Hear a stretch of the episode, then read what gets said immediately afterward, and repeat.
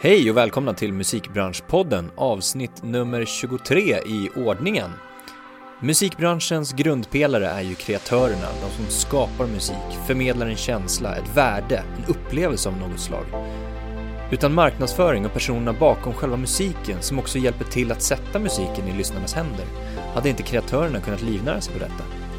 En stor del i just marknadsföring hos en artist är det personliga varumärket. Något som inte alltid uppmärksammas eller kommer i första hand hos just kreatören. I dagens avsnitt ska vi prata mer kring just detta och uppmärksamma hur artister och kreatörer kan jobba med det personliga varumärket. Detta tillsammans med veckans gäst, PR och artistcoachen Anna Moore. Välkommen! Tack så mycket. Kul att ha dig här. Tack för att jag fick komma. Mår du bra? Jag mår jättebra. Härligt. PR och artistcoach Japp. är du. Mm. Berätta, vad gör du om dagarna? Oj, allt möjligt. Ehm, det jag gör mest just nu är hjälpa artister med deras varumärken. Mm. Så det är väldigt mycket sånt och så föreläser jag. Och sen har jag också PR-uppdrag där jag är delaktig i PR-strategier och sådär. Mm. Och vad betyder ett PR-uppdrag då till exempel? Om vi, vi bryter ner det lite. Vi bryter ner lite. Nej men jag har jobbat PR i väldigt många år Mm. och startade eget för ett antal år sedan också. 14 år sedan. Tiden går fort. Mm. Och då, um, när jag jobbade på skivbolag, då, gjorde jag, då jobbade jag som PR-manager då. Så då hade jag ansvar för att se till att artisterna kom ut i TV, radio, singlarna spelades på radio och att tidningar skrev om artisten och musiken. Och det där har jag fortsatt med. Så i mitt egna bolag More to Be så erbjuder jag det fortfarande. Men i takt med att traditionell media har förändrats rätt mycket och övergår till sociala medier Eh, och sen också för att jag är beteendevetare i grunden, så mitt fokus det är artisterna, människorna. Så har jag liksom lagt vikten på att utveckla artisten, alltså inte när det kommer till sång och dans och musik, utan hur man kommunicerar som artist för att nå igenom mediebruset. Mm. Man är ju en, em, man företräder ju sin musik, man, är sin, man säljer ju musiken så att säga genom sig själv. Mm. Och då är det jättemånga som behöver hjälp med hur man ska eh, vara. Mm. Vi kanske kommer in på det senare. Men, så då blir det väldigt mycket artistcoachning utifrån ett eh, kommunikativt sätt. Mm. Så artistcoach och sen så har vi ju pratat lite tidigare om mediaträning också. Mm. Mm. Det, det är en bit i det här då, Det är en bit i, i coachningen. Så det var också anledningen till att jag startade More to Be faktiskt. För att jag jobbade då på Sony Music och bokade in intervjuer för artisterna. Och bara det är ett stort arbete. Mm. Det ska vi veta. Det är tufft att komma igenom. Så när man väl hade satt en intervju så skulle artisten då dit och, och leverera. Och vissa gjorde det bra och andra mindre bra. Och det var då jag väckte tanken att nej, jag ska gå egen och hjälpa artister för det är sånt stort ansvar man har. Att också ja, kunna prata med en journalist och tänka att man når ut till sin publik den vägen också. Mm. Så då startade More to Be. Så Mm. det är det jag gör, hjälper artister att prata i media, att föra sig via media och då tänker jag också sociala medier. Allt från vad man säger till eh, hur man ser ut och vad man har för content. Mm. Allt ska liksom hänga samman med i det varumärket som man är. Mm. Finns det flera och behövs, eh, behövs ni som PR-konsulter? Absolut, eh, vi är några stycken som finns i musikbranschen, har funnits länge och många poppar upp. Mm. Um, saker och ting har förändrats och det har ju varit perioder när jag tänkt så här att ja, men, nu, nu, nu behövs man säkert inte längre och så där, för att musikbranschen har skiftat Mm. i upp och nedgång. Men jag upplever att på grund av att det är så tufft så behö- och, och på grund av att många eh, artister finns där ute och alla kanske inte ligger på ett stort skivbolag och har den här PR-hjälpen så behövs ju sådana som vi som är independent. Mm. För man vill ju lika mycket. Man vill ju nå ut med sin musik. Eh, oavsett om man ligger på en label eller inte. Har det blivit tuffare med åren så att säga i och med att vi har mer och mer sociala medier, fler och fler kanaler att nå ut och samtidigt då ett, ett större utbud av artister om man säger så, att nå igenom bruset. Är det svårare för dig då att, att eh, coacha? På grund av att det är så tufft där ute så behöver man vara tydligare med vad man säger och gör och allt det här. Alltså det blir mer fokus på det varumärket man är. Och nu när jag säger varumärke, jag kan tänka ni som lyssnar, det låter så marknadsmässigt och opersonligt. Men, så det är lite arbetsskada från mitt håll. Men som artist så krävs det att man är ännu tydligare idag. Mm. Förr, när jag säger förr, det är för att jag har jobbat nu 24 år. Så på slutet av 90-talet, då räckte det ju med att man hade en att man syntes på tv någon gång och att singeln spelades på radio. Då kände hela Sverige till en. Men idag så räcker det inte med ett tv-program utan man måste liksom vara aktuell hela tiden på många olika plattformar. Mm. Så att ja, det, det, är ännu viktigare att man eh, är genomtänkt idag mm. än vad man var förr. Och därför så behövs sådana som jag. Det är därför jag har fullt upp tror jag. Mm. Blir det mer arbete eh, även för artisterna själva liksom att, att jag tänker på att du pratar om independent och det är independent artister att de sköter sina egna eh, sociala medier till exempel Instagramkonton, Facebookkonton blir det eh, för mycket jobb för en del att Absolut, det, det, som, det som har hänt de senaste åren är att man blir ju mer och mer sin egen entreprenör mm. vare sig man vill eller inte det märker man ju själv om man nu ska man har en, någonting som man driver framåt sin artist och man gör bra låtar och man har sitt band och man har repat, man tycker liksom man är klar. Mm. Man har gjort världens bästa platta. Det är bara det att då ska ju plattan ut också. Exakt. Och det är där arbetet kommer in. Och då finns det idag så otroligt många plattformar där ens fans eller potentiella lyssnare finns. Så det mm. gäller ju att eh, nå dem på de här plattformarna och då blir det väldigt mycket jobb. Så i många fall hjälper det, så funkar det på bolagen. Då är det några som sköter kanske sociala medier åt sina artister medan många vill sköta själv. Mm. Det beror på vad man har och när jag säger varumärke, vissa kanske jobbar med att man låter på ett unikt sätt och andra kanske har saker man vill nå ut med. Jag tänker på Sara Larsson. Mm. Hon har ju verkligen tagit det här feministiska och om man ska stå upp för sig själv som tjej och kvinna och så. Så hon vill ju sköta sina egna konton till exempel. Eh, så det är också beroende på vad man, vad, man, vad man har för unikheter som jag pratar om i mitt arbete. Så man ska ju lyfta fram det som är unikt med, med just dig. Då. Ja, precis. Mm. Jobbar du bara med artister? Nej, jag jobbar även med skådespelare, eh, föreläsare. Men jag hjälper också mindre företag med deras sociala medier. För det är liksom samma, samma modell som jag jobbar efter som handlar om vad vill man, vad är målet? Eh, vad har man för image? Vad är det för bild vi vill ge oss av oss själva?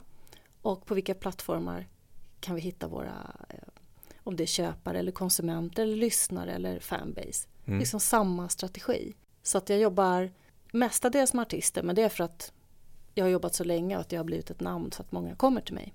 Men eh, jag hjälper jättegärna andra också. Spännande och jag är mm. lite nyfiken. Om, mm. om, hur går det då till när en klient kommer till dig? Vart börjar du någonstans så att säga? Jag börjar med att ställa frågor. Så um, jag börjar med att ställa frågor om önskat läge. Typ vad är målet, vad vill du? Och ta reda på så mycket som möjligt om, om vi säger att det är en artist då. Är det en soloartist eller är det en ett band eller ett rockband. Och så vill jag veta då vad de vill. Mm. Och när jag får svar på det så skräddarsyr jag antingen en, ja men ett arbetssätt, att så här skulle kunna jobba tillsammans. Eller så erbjuder jag, jag har olika så här basupplägg. Mm. Eh, har så här artistprofilsupplägg som går ut på att man ses tre gånger och bygger liksom varumärket. Och hittar då så här värdeord eh, som egentligen är styrkor hos det här bandet eller artisten. Och sen hittar vi anekdoter kring det, vi jobbar fram en storytelling. Så att vi hittar liksom ramen för, för content, ramen för din kommunikationsbas. Och det, vad som händer i det arbetet är att jag får mycket insikt i detaljer och artisten själv blir så här, just det, det här kan jag snacka om och åh, det här är ju skitbra. Och jag vill också säga här att det ska ju självklart hänga ihop med musiken. Mm.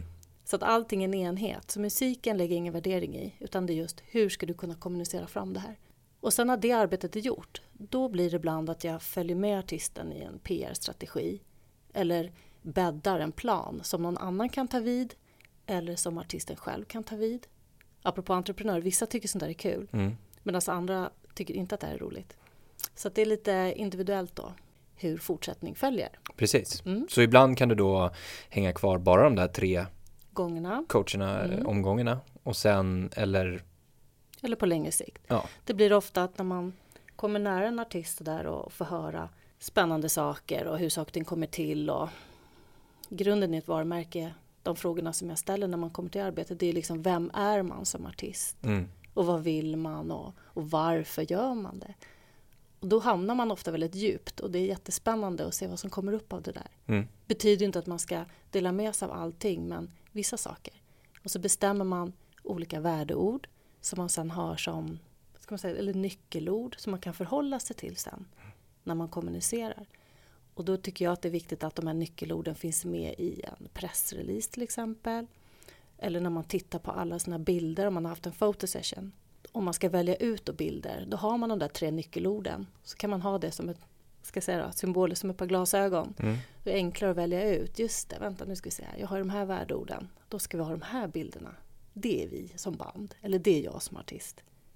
Och samma sak över till sociala medier. Att vad ska jag lägga upp här nu på Instakontot? Ja, men då håller vi oss, de här värdeorden ska alltid vara med på något sätt. Ungefär som förr i tiden när man gjorde, när det fanns LP-skivor, att när det var mycket fokus på bilden och man kunde titta på hela LP-skivan och så som det såg ut, det var också stämningen på musiken Precis. och hängde ihop med artistens image. Liksom. Mm. Men idag när bilden är mycket mindre, när vi sitter i mobiltelefonerna eller på Spotify så liten bild, då är det viktigt att allt det andra eh, fö- följs åt. Den röda tråden är viktig att kommunicera. Så det har liksom naturligt blivit mer fokus på, på innehållet. Mm. Hänger du med? Ja, absolut. Ja. Har du, upplever du att artister är lite vilsna i allt det här? Att de blir lite låsta för att det finns så pass mycket att göra och att de inte hittar någonting och sen att när du kommer in att det liksom lossnar, att de nästan får en aha-upplevelse kring sig själva? Absolut, det är precis. Eh, de får väldigt mycket aha-upplevelser eh, när vi börjar prata och Mm. när de också ser en möjlighet. Eller åh, det där, Instagram, det är min, min plattform. För det blir som på två sätt. Det ena är att man vill hitta, som jag sa tidigare, där, du vill ju hitta... Så här, målet är ju att nå ut med musiken. Mm. Och vad, fin, vad har man för målgrupp då? Vad finns den här målgruppen? Det är ett sätt att bygga den här strategin då. Och, och, och sen vad tycker jag om att agera? Som tycker man är kul med bilder så finns det otroliga möjligheter på Instagram till exempel. Mm. Facebook har ju blivit ett, eh, ett ställe där man måste finnas så många väljer hemsidor. Att, eller många väljer att ha en Facebook-sida som en landningssida istället för hemsida. Ja, exakt. Men eh, det finns ju andra sätt. Vissa tycker och tänker mycket. Då är Twitter perfekt till exempel för att Mm. förenkla det hela. Så att det är viktigt att man först får aha-upplevelser då Mm. och att man får en vilja att dela med sig och hitta sitt sätt. Sen kan man ju, sen är ju vägen att kommunicera oändliga. Eller må- många tycker det är svårt att när man väl har förstått så här, okej jag ska synas på de här plattformarna, då blir frågan så här, men vad ska jag kommunicera då? Mm. Vad ska jag säga? Vad är intressant? Precis. Och det pratar vi jättemycket om och det är där storytellingen kommer fram. Mm. Och många gånger så är man ofta van vid sin egen miljö. Så ett tips kan ju vara att visa saker som, som man själv tycker är jättevanligt men som kanske följarna tycker är spännande att se. Ja, precis. Ja, men det handlar om att ska- skapa content. Skapa content och interagera med sina fans och också lyssna. Mm. Många gör ju misstaget att inte kommunicera med sina följare. Jag tror att de, den nya generationen gör ju det. Kommunicerar på ett annat sätt. Medan lite äldre kanske bara lägger ut så här. Mm. Och så säger folk saker och så bara struntar man i det. Och det är ju sociala medier, det betyder att man ska interagera. Mm. Men, så det är olika lärdomar beroende på vem man hjälper. Mm. Och jag jobbar ju allt från äldre artister till nykomlingar. Intressant. Du som PR och artistcoach då, när har du nått ditt mål och hur mäter du att du har nått ditt mål så att säga med artisten? Framgångsfaktorer till exempel. Det här är en jätteintressant fråga. För som PR-person och artistcoach så kan man göra hur mycket som helst. Mm. Därför tycker jag det är så viktigt i alla mina samarbeten att vi sätter en målsättning. Så jag är väldigt målstyrd själv sådär. Och för att jag ska kunna ett bra jobb så vill jag veta, vad, vad, som jag sa tidigare då, vad, vad är målet? Mm. Så om du skulle söka mig hjälp, om jag skulle hjälpa er med era sociala medier. Då skulle vi säga att ni vill det här och här och då säger jag att okej jag kan hjälpa er jag kan hjälpa er med vägen fram till det här då. då. Och då när, eh, beroende på vad man sätter målen så kan man också checka av när det är uppfyllt. Så det är väl det mer sådär krassa. Sen känner jag, det som driver mig personligen det är ju när jag, när jag känner att eh, mina kunder då får den här, de här aha-upplevelserna eller bara känner så här shit nu vill jag bara göra, de börjar fippla med mobilerna direkt nästan under coachningen.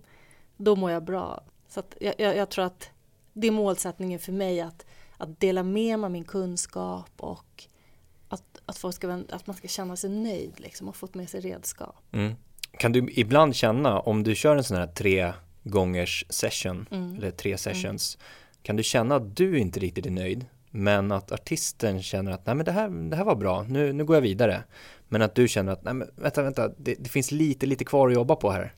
Oh ja, eh, jag kan faktiskt känna det nu när du ställer frågan. Jag kan, nu tänker jag på ordet coach, alltså jag har ju gått mm. så här coachutbildningar också. Att egentligen så jobbar jag med så här coachning snedstreck rådgivning, så jag ger ju råd. Att bara vara coach handlar om att du själv ska komma på idéer. Jag ställer frågor du kommer på själv. Mm. Men jag sitter ju på mycket eh, information som jag också vet att du vill ha. Men då gäller det att anpassa min, jag måste anpassa min information efter vad du eh, kan ta till dig. Så säg att du, jag har ju en kund nu som, han har aldrig hållit på med, med, med Instagram till exempel. Då får man börja med basen. Mm. och nu har han fått liksom upp farten och tycker det är jättekul. Och då tycker jag det viktiga, då är det viktigast att han får komma igång med sina grejer. Mm. Än att jag då börjar hacka på, men vänta här nu, nu la du ut det där på kvällen, det kanske är bättre att lägga ut det på morgonen. Förstår du vad jag menar? Mm, man, mm. Så, så, för att svara på en klok fråga från dig därför att då känner jag det tar vi sen när han har fått upp speeden. Det spelar liksom ingen roll. Men det blir lätt sådär när man har jobbat stora saker att jag skulle vilja ge precis allting som jag känner till och vet. Ja. Men, men ehm, men saker och ting måste få komma organiskt mm. och i kundens egen takt. Verkligen. Och det måste ju vara ett litet, inte dilemma, men en liten utmaning i och med att vart vi lever nu så ska ju allt ske väldigt, väldigt snabbt. Man vill gå, börjar man med Instagram till exempel så vill man ha 10 000 mm. följare på en vecka. Det måste få ske, det tar tid och bygga upp det som, precis som du säger, organiskt. Kan du uppleva att artister, nu kanske jag är lite så här förutfattade meningar, men just yngre artister är lite för ivriga. Nej, men jag skulle nog säga att alla som får den här aha-upplevelsen med de här sociala medierna, de vill att det ska hända fort, mm. oavsett ålder. Faktiskt. Mm. Jag tror att de yngre är mycket mer autentiska, operfekta och bara kör. Eh, medan som äldre kan sitta och, och, och redigera sin bild jättelänge för det ska se så här perfekt ut. Och då är frågan vad som är rätt eller fel i det här. För det är också så här, vad har man för följare och vad, vad vill man? Mm. Eh, att ha väldigt, väldigt många Insta-följare, ja det kanske ser häftigt ut då, 10 000. Och många kanske går den fula vägen inom mm. situation och köper massa följare. Det, är bara det, det händer inte så mycket på grund av det. Plus att det blir rätt otrovärdigt. Mm. Jag tycker det är mycket coolare att, att få rätt följare syf- vad man ska komma ihåg, syftet med sociala medier, det är egentligen inte bara att jag ska ha många följare, utan det är ju att folk ska följa mig för att också köpa mina tjänster. Mm. Eller köpa tjänster, och det är återigen, de som lyssnar på det här tycker bara vadå, köpa tjänster, jag har världens bästa band. Men, men, men det är ju så, få fansen till sig så att de kommer på konserter, så att de hänger på när nya singlar släpps. Mm. Är det på det här sättet du då coachar den som är lite ivrig och känner att Nej, men jag vill ha det nu? precis som vi förklarade nu, att det måste få ske dynamiskt, du måste få rätt följare och bygga varumärket på så sätt som du vill, men även på det sättet som dina lyssnare, din publik vill ha dig, så att säga. Precis så, precis så. Det, det tar tid. Och saken är den att eh, när man följer ett konto så det är som att man skapar en förväntan också. Att på det här kontot, då förväntar jag mig det här av den här artisten. Mm. Det är mm. då vi kommer ner till kärnan i varumärket. Och det är det vi börjar med att jobba. Det är det jag kallar artistcoachning. Mm. Vem är du? Vad är ditt löfte? Och med löfte behöver inte vara att jag ska lova det här och det här. Men löftet kan vara att jag låter på ett, ett visst sätt, att jag ser ut på ett visst sätt. Eller löftet kan vara att jag förändrar hårfärg varje vecka. Ja, men då kan man göra det. Mm. Och då får man sådana följare som gillar föränderlighet. Så det är mycket att, ska, att bygga trovärdighet.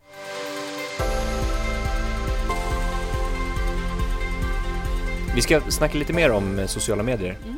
framöver. Mm. Men jag tänkte, jag är även nyfiken på din personliga resa mm. som du har tagit mm. in i musikbranschen. Mm. För precis som du sa så var du personalvetare i grunden. Ja. Men hur kom du in i musikbranschen? Nej, men jag hade kommit i kontakt med musik kan man säga eh, då jag var DJ. Det här är verkligen hundra år sedan. Men jag var DJ på ett ställe på ja gud nu är det så många år sedan så att jag tänker inte säga det nu. Men jag var i alla fall DJ på Birger Bar för de som vet vad det var. Eh, det som var coolt med det är att de ville ha en kvinnlig DJ, det fanns inte i Stockholm. Så där spelade jag några kvällar i veckan. Och sen eh, jobbade jag bar i ett och ett halvt år och på den här tiden var jag liksom 20 bast. Och tyckte att nu var man ju hemma, nu var man färdig. Men efter eh, ett och ett halvt år i baren så började jag plugga. Mitt stora intresse då, beteendevetenskap och mycket psykologi och sådär. Och fick då mitt första jobb direkt eh, som Human Resource Coordinator på ett stort managementbolag som heter Accenture. Väldigt strikt och eh, jag hade då en stor liksom, kontaktbas i och med att jag hade jobbat ute i livet. Och en av mina absolut äldsta väninnor eh, var artist, eller är artist fortfarande. Det är Meja som är mest känd för All About The Money. Eh, och hon kom in där på mitt kontor, nu pratar vi 94 och tyckte att jag såg för jävla tråkig ut där med dräkt och håret bakåt. Hon tyckte jag skulle in i eh, musikbranschen.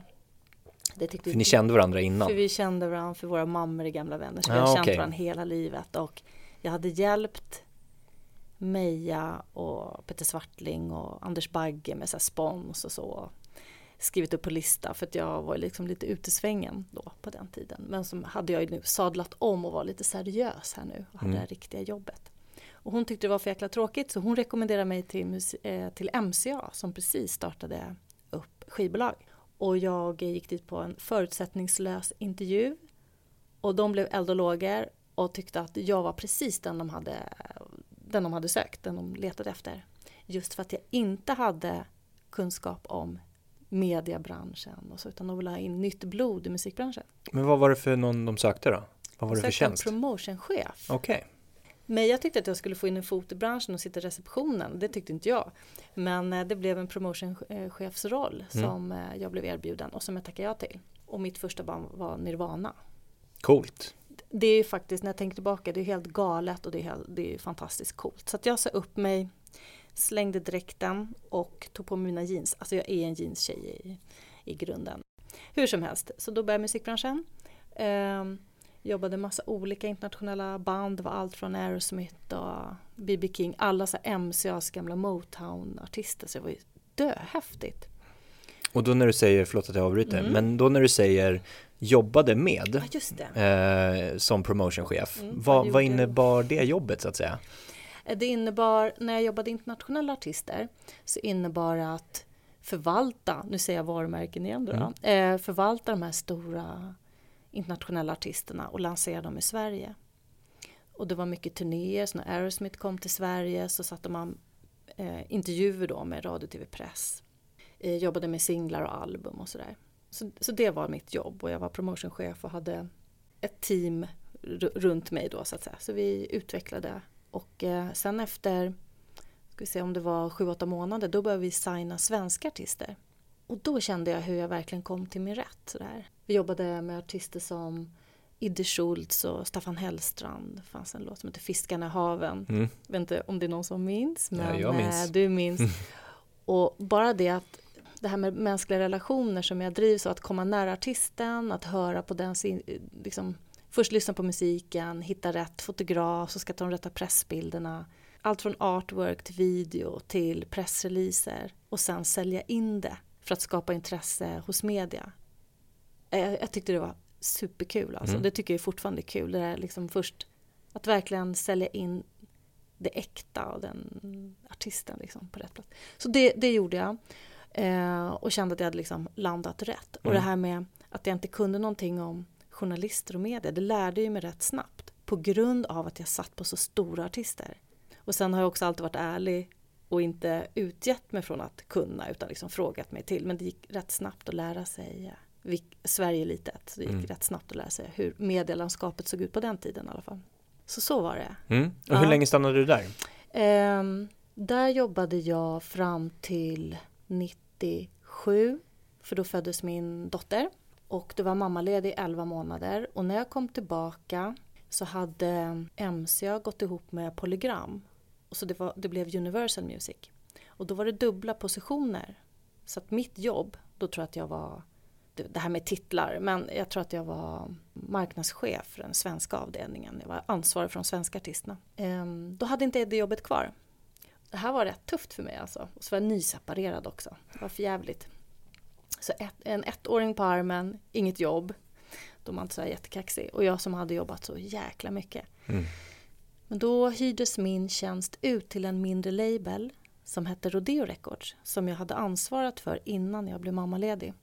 De hade lite olika svenska artister som då hade en deal med, då, med Universal Music.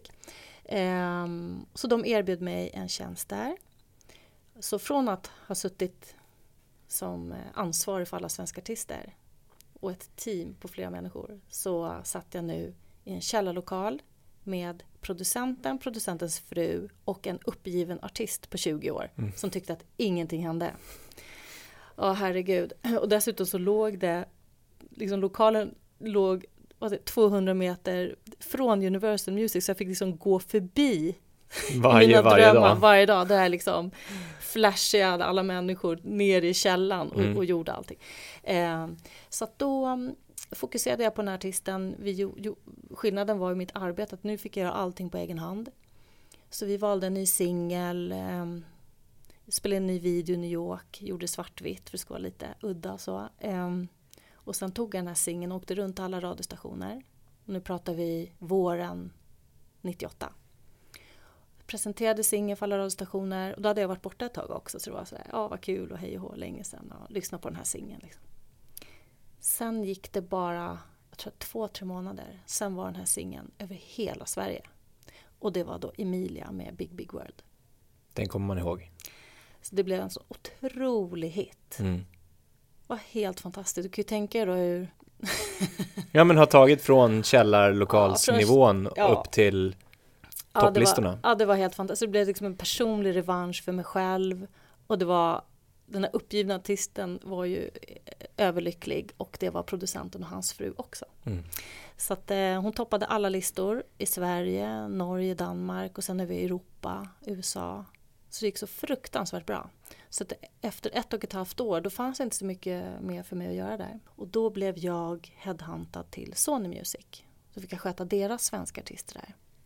Och Sony Music var ett bolag, eller är fortfarande ett bra, jättebra bolag med massa bra artister. Men på den tiden låg Bo Kaspers Orkester där, Magnus Uggla, Patrik Isaksson, Lisa Nilsson, Peter Jöback. Du vet, alla de här stora, bra artisterna låg där. Eh, och Meja, som ju då var anledningen till att jag började musikbranschen. Just det. Mm. Så det var ett litet reunion-möte där? Ja, det blev reunion, high five, du cirkeln är sluten. Ja. Började ni jobba tillsammans på Sony då? Ja, efter ett tag gjorde vi det. Mm. Så innan fick jag möjlighet att jobba med de här stora artisterna jag just nämnde. Det var helt fantastiskt. På olika sätt då. Det är ju massa positioner så det var inte bara jag själv som gjorde de här artisterna. Men, men det var samma sak, det var promotion där också? Mm, ja, jag gjorde lite olika saker. Jag började som promotionchef.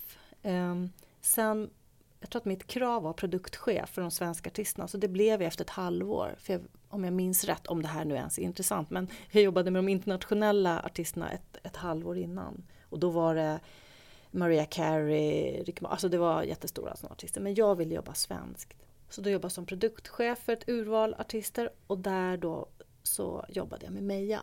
Det var, eh, privat var det ju fantastiskt, där som jag sa, high five, jättekul, cirkeln sluten. Men också ett väldigt stort ansvar för då eh, var Meja på toppen av sin karriär. Hon var känd över, ja, framförallt i Japan, All about the money. Eh, hon var blond, blå ögon. Du vet, hennes image var ju väldigt sådär, och löftet då om popmusik och den här ljuva stämman och så. Eh, och nu skulle jag då ansvara för uppföljaralbumet. Mm. Och ska vi komma ihåg att det är ju så här i musikbranschen, eh, det är olika svängningar med vad som är in eller inte. Vi har artistens egen kreativitet. Och Meja blev, eh, hennes låtskriveri eh, övergick till, hon ville göra lite mer rockinfluerad musik. Vilket jag kommer ihåg, jag tänkte, oh, kanske inte riktigt vad japanerna vill ha, men hon ville det och då gjorde hon det. Eh, Jonas Åkerlund, Sveriges största regissör när kom till videos, han hade precis där breakat och var superstor och han ville göra Mejas nya video. Och låt gå för det, det var bara det att han drog ju, han jobbar verkligen här med edge. Så han drog ju det här till ett spår som var så långt ifrån, enligt mig, Mejas varumärke. Så vi hade, jag och Meja hade jättemycket tvister. Mm. Eh, var inte helt lätt. jag kan säga att jag jobbar med Meja idag, så Meja hör du, du eller om hon hör det här så skulle hon nog skratta bara. Eh, vi har gått igenom allt det här. Men det, det var en rätt tuff period och vad som hände var att hon fick sin vilja igenom. Eh, när det kommer till ja, musikprocessen och, och Jonas Åkerlund, det var coola namn liksom. Och folk stod bakom henne. När vi väl presenterade för Japan så höll japanerna på att sätta, eller de satte misosoppan i halsen mm. uttryckligen. För att det här var inte vad de hade förväntat sig. Nej. Nej. Så att där fick jag väldigt, väldigt mycket lärdom och stoff och erfarenhet om vad som händer när man går sin egen väg och någonstans, ja, vad man offrar eh, till ens publik när man går sin egen väg och inte liksom låter dem följa med i ens utveckling. Mm. Och vad som är intressant reflektion idag, för det här är ju ett antal år sedan, nästan 20 år sedan, att idag med sociala medier, då hade hon kunnat göra det på ett helt annat sätt och Verkligen. fått med sig sin publik. Ja. Men då funkar det inte. Vad man ska komma ihåg är att på den tiden fanns, inte, fanns inga hemsidor, framförallt inga sociala medier. Så att all kontakt med fansen kom ju via skivbolagen Mm. och pressreleaser. Radio och intervjuer. Precis, så att det var, såg helt annorlunda ut. Men på den här tiden var liksom, blev det ju en flopp, Mm. skulle jag vilja säga. Hon sålde guld, men förväntningarna var mycket högre. Mm. Och idag hade hon väl kunnat, om hon nu hade gått igenom med det här, att kunna rädda upp det. Tack vare sociala medier. Ja, Och förklara för fansen på ett Ja. mycket liksom smidigt sätt. absolut. Och hon kunde, vi, jag säger vi då, hade vi haft sociala medier på den här tiden, då hade vi kunnat du vet, filma mötena med Jonas Åkerlund, Exakt. ta med folk i processen, eh, lek lite med det här i och med att hon var blond och blev alltså mörkhårig, hon färgade håret nästan svart. Jag, jag fick igenom att det blev mörkbrunt, men Mm. det var från början svart. Eh, då hade vi kunnat göra coola grejer och fått med sig ett lysande exempel på att se hur man kan göra idag, vad man Mm. inte kunde förr. Mm. Jag tänker bara på Tommy Black. Ja, Tommy Nilsson när han körde den för några år Ja. sedan. Det var ju i och för sig en PR-kupp. ja, Men- men, men ändå, ändå. man leker med Ja. de här eh, eh, sakerna. Och det, det brukar vi prata om när jag föreläser och, så där, och kan ha som ett exempel och där alla förstår. Mm. Och också för att förklara vad just det här med varumärke är för någonting. Som jag sa till, det låter lite stelt och tråkigt men det är någonting som man, det ligger en förväntan i ett varumärke. Mm. Och den förväntan, den skippade hon i. Eller skippade hon i, den, den hoppade hon liksom över. Mm. Så det blev någonting annat. Och sen startade du eget, Ja. More to be. Precis. Och de här tankarna på att starta eget, de hade jag fått redan när jag jobbade med Emilia. Mm. När jag gjorde allting på egen hand. På ett sätt jobbade jag som om jag vore independent. Gjorde liksom radio, press, tv, allt det arbetet själv. Jag var, och jag var väldigt nära artisten. Mediaträning, förberedde Emilia på saker och ting. Eh, och sen då när jag var mina år på Sony Music. Så vad som hände också här är att eh, branschen förändrades rätt mycket. Så från att vi hade varit väldigt, väldigt många anställda så blev vi färre. Så att man kunde inte jobba lika mycket nära sin artist. Som jag tror jag beskrev där innan att jag vi jobbar stenhårt för att eh, skapa intervjutillfällen. Och tidigare hade jag alltid följt med artisten, då kunde man liksom mediaträna på plats. Men nu var det att jag satt på kontoret och var så där, sa till en artist att ja, var på P3 klockan 10. Mm. Jag lyssnar Mm. på sin höjd så att jag var så halvlyssnar. Och det var då som jag insåg att eh, artist, vissa inte levererade och då, då tänkte jag att nej, nu hoppar jag. Nu ska jag vara independent.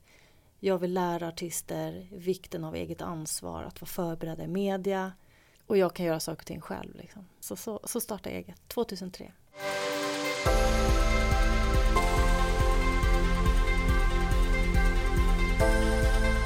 Jo, men vi pratade ju om det här med personligt varumärke Mm. och sociala medier.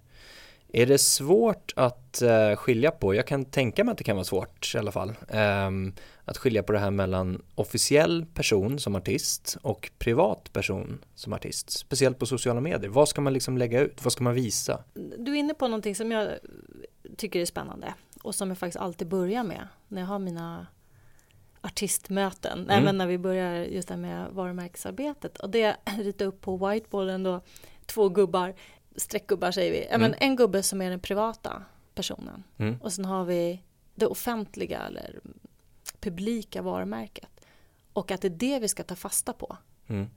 Eh, jag tycker det är jätteviktigt, säger jag då som har jobbat länge och ser hur vissa människor har farit illa när det har blivit för privat. Mm. Det finns många, många exempel på människor som, in, som inte mår bra idag, eh, som är rädda för media och media är ju inte alltid the good guys. Så det gäller ju att eh, hitta därför jag tycker det här med content och mediaträningen är så av vikt. Så att man har någonting att dela med sig med till media så att de får vad de vill ha. Mm. Jag, jag, står inte för påhittade grejer men jag står för, att, för kreativitet. Och vad jag menar då är att om man, har, om man förbereder sig på så här, vad måste journalisten veta, vad är bra att veta och också vad som är kul att veta. Då ger det en intressant intervju men också ett skydd från att journalisten ska behöva gräva i det privata. Mm. För många gånger hamnar man där för att man inte vet, för man inte är förberedd och man inte har, har inte planerat sitt innehåll för en intervju. För jag tror att det är livsfarligt, eller inte hälsosamt, att vara för privat. Mm. Så det är min ståndpunkt. Sen det här med sociala medier som då har kommit så stort. Jag nämnde tidigare de här eh, lite yngre generationen är väldigt autentiska och det ska vara oredigerat och gränslöst. Jag tror ändå att det är viktigt att dra gränserna för vad man inte ska visa. Mm. Så jag tror inte på det privata. Däremot så pratar jag mycket om att man ska vara personlig. Och med personlig menar jag att man kan säga vad man tycker och tänker, man kan släppa in människor som vissa rum, um, men inte alla rum. Man ser det lite som en planritning lite grann. Ja, jag ser det som ett, ett hus också, att man kan Ja. släppa in folk i hallen och i Precis. köket och vardagsrummet, men inte i sovrummet. Mm. Det är en jättebra liknelse. Mm. Nej, men för att få en, en visuell bild kring det hela. Absolut. Och sen den andra visuella bilden är då att vad ska jag säga? Då återkopplar vi till de här med värdeorden då att, Mm. att man hittar tre ord som beskriver ens varumärke Mm. och så kopplar man storytelling till det. Och det där är så vritt och brett. Men, men jag tar Sara Larsson igen då, då. Nu har inte jag jobbat med henne men, men det är rätt tydligt hennes, eh, vad, vad hon står för. Mm. Mm, feminismen sammanfattar vi med. Och då kan hon mata på med sån typ av content och göra referenser till det och man förstår vad det är hon vill. Och i det så kan hon också lägga upp en, en, en läcker bild på henne själv och säga liksom att jag står upp för min kropp. Medan någon annan som har en helt annat varumärke och lägger upp bilder på sin kropp med tajta kläder kanske signalerar någonting annat. Så då går man tillbaka till liksom, vad ska man signalera för värdeord och vad har vi kommit fram till att vi ska vara personliga i? Exakt. Vilka olika delar? Sen är det så att om man har vissa eh, beroende på, nu pratar vi mycket artister, då finns det alltid mycket att hämta men om man osökt kommer jag att tänka på, vad heter den här fastighetsmäklaren Fredrik Eklund? Eklund. Nu har inte jag läst hans bok men jag tror att han ger lite tips om det här med sociala medier också. Jag tror att han väver in att han vill lägga ut om sin hund. Ja, precis. Mm, apropå hundar. Och då, då tänker jag bara eh, att men han rör sig i det här, eh, mycket pengar och, och tjusiga lägenhet. Och det kan, kan ju vara ett sätt för honom att visa sig personlig. Exakt. Att lägga ut eh, på hunden då, för att det är någonting som vi alla kan relatera till. För att visa att han är en mänsklig kille. Mm. Som ett exempel bara. Så att beroende på var man, var man rör sig någonstans så kan man hitta någonting som är, personligt. Då kan man fundera, vad, vad kan jag dela med mig av som är personligt? Alltså hur kan till exempel en artist eller ett band jobba med en slags röd tråd i sin image? Mm. Från sociala medier till livespelning, till studioinspelning, till den, den här privata biten som vi sa också, hunden. Hur ska man tänka med Mm. den här röda tråden? Mm. Nej, men det är lite som jag sagt igen här att med rädd för upprepning nu men, men, men har man att man ska hålla sig till sina det är som att man bygger en ram och då är frågan eh, vad man nu är för artist. När du, när du ställer den frågan då tänker jag osökt på ett band. Vi säger att det är ett, ett, eh, ett rockband Mm. som giggar mycket, så Mm. mycket live. Och då tänker man publiken är sådana som kommer på spelningarna och sådär. Och hur man ska hålla röda tråden, då, då får man ju backa lite. Hur ser vår, hur ser eh, profilen ut för just det här rockbandet då? Eh, vi kanske har speciella texter eller vi är bara arga eller vi är politiska. Förstår vad jag menar? Det, Ja. det blir beroende på, men säg nu att, att, att det är jäkla röj, eh, hög energi och, och röj liksom och coola bandmedlemmar och, då, och, och, och fokus på live-gig.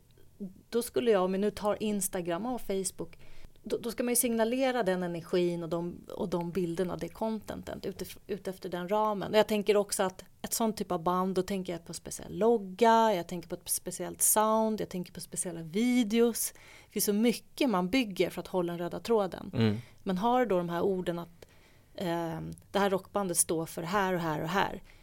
Eh, då ligger alla eh, fotografier eller alla pressbilder ligger i linje med det. Alla videos ligger i linje med det och också content ligger i linje med det. Mm. Och då betyder inte det att man bara lägger ut när man giggar, utan då kan det ju vara inspiration från hur låtarna kommer till, eh, behind the scenes-bilder, kommunicera med sina fans också, vad de tycker om, eh, bjuder in dem i processen. Exakt. Eh, det kan vara bilder från turnébussen, det kan vara bilder på något instrument, det kan vara bilder på dem som, nu säger jag bilder för jag tänker Insta, det kan vara att man släpper in de som jobbar kring en turné.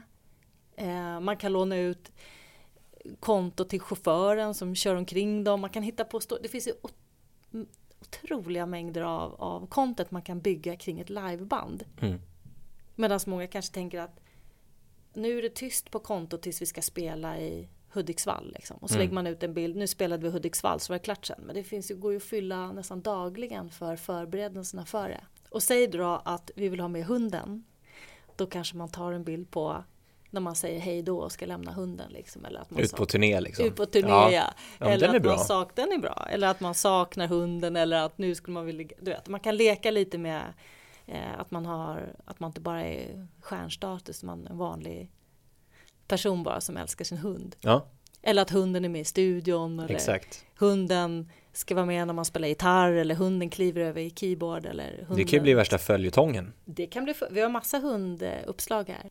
Det har ni alla hundägande band. Varsågoda, det är all yours.